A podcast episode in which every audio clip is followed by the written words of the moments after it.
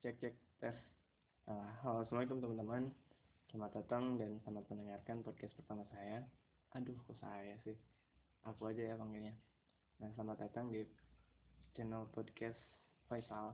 Anggaplah ini sebagai radio amatir lah. Soalnya mungkin ada ambisi sedikit jadi penyiar gitu cuman gak kesampaian. Nah di sini aku pengen share tentang hal-hal yang bisa bermanfaat gitu buat berbagi sama teman-teman semua. Ada suatu kisah yang aku dapat dapat di suatu kajian. Kisahnya seperti ini teman-teman. Kisahnya tentang seorang murid dan seorang guru. Si murid ini sudah penuh semangat untuk belajar itu bersama gurunya. Akhirnya hari pertama dia datang ke gurunya. Oke siap pak. Apa yang harus saya kerjakan sekarang. Maksudnya pelajaran apa yang akan sekarang saya dapat? Oke sekarang kamu ambil paku. Kemudian kamu tancapkan di pohon yang ada di sana. Baik pak. Kemudian si murid ini menancapkan paku itu di pohon yang ditunjukkan oleh gurunya. Kemudian setelah setelah itu dia bertanya pada gurunya Terus apa lagi Pak? Sudah, pelajaran hari ini sudah selesai. Kemudian keesokan harinya si muridnya ini datang lagi kepada gurunya dengan semangat yang sama. Bertanya lagi pada gurunya, Pak, sekarang saya sudah siap menerima pelajaran. Apa yang harus saya lakukan sekarang? Oke, kamu sekarang ambil lagi pakunya, kemudian tancapkan lagi di pohon itu.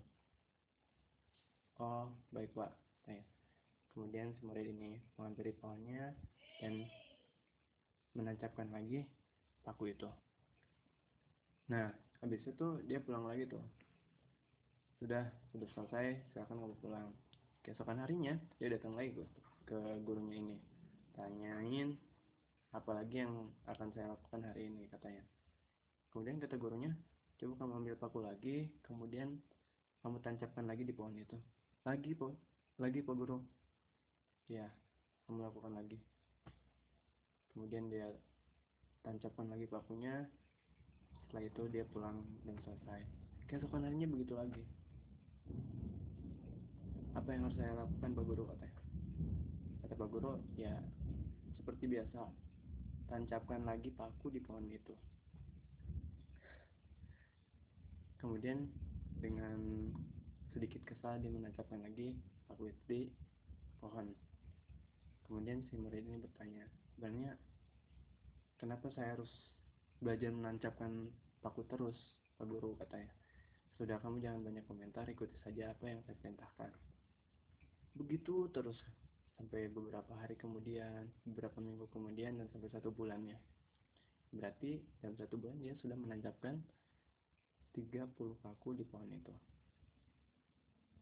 Nah bulan berikutnya bulan kedua murid ini dat datang lagi kepada Pak Guru.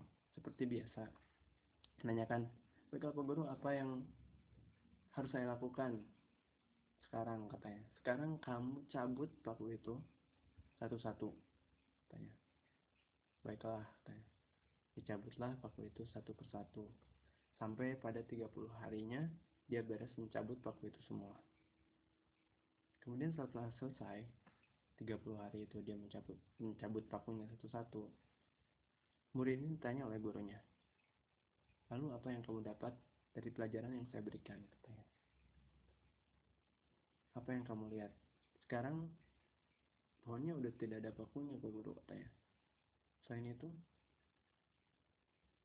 uh, nah, jadi begini. Ibaratkanlah pohon itu sebagai hati seseorang. Dan paku itu sebagai lisan yang menyakiti hati seseorang. Memang ketika si paku itu bisa ditancapkan, kita bisa mencabutnya kembali. Tapi apa?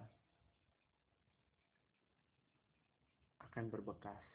Dan begitulah apa uh, gambaran bagaimana ketika lisan seseorang bisa menyakiti hati orang lain.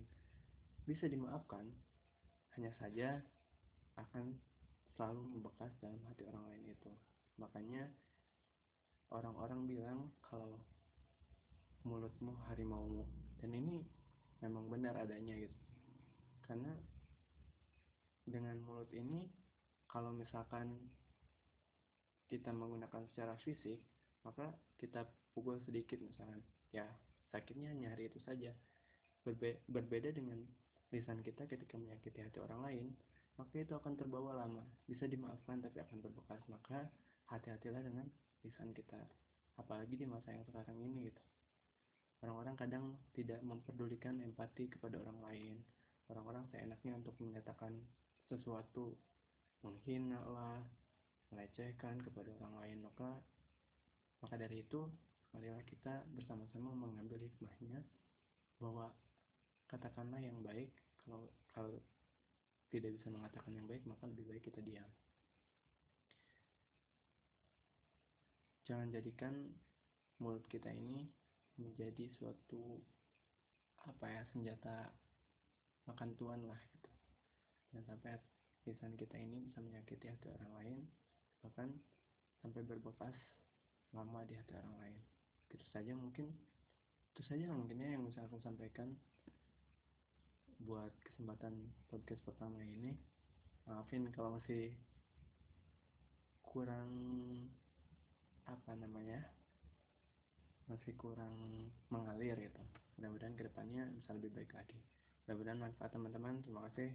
Udah